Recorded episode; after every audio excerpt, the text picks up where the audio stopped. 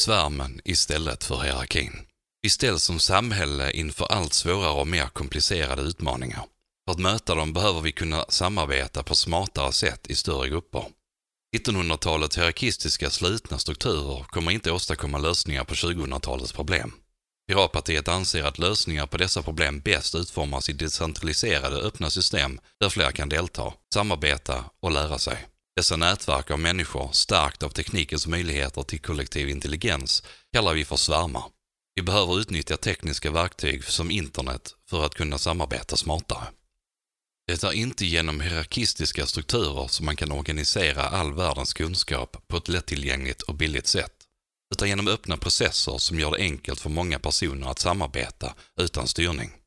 Wikipedia är en bättre encyklopedi som har mer uppdaterade artiklar om fler ämnen med högre tillförlitlighet än till exempel Nationalencyklopedin. Något ännu mer komplicerat är operativsystem för datorer. Trots det är Linux ett operativsystem som kan köras på nästan alla datorer, och som är fritt och gratis att kopiera och anpassa. Linux har kunnat skapas tack vare att vem som helst kan bidra till systemet, utan att behöva inordna sig i ett specifikt företags hierarki.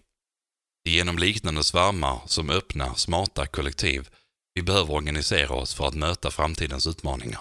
Lärare behöver bilda svärmar för att dela och utveckla undervisningsmaterial och metoder i öppna plattformar.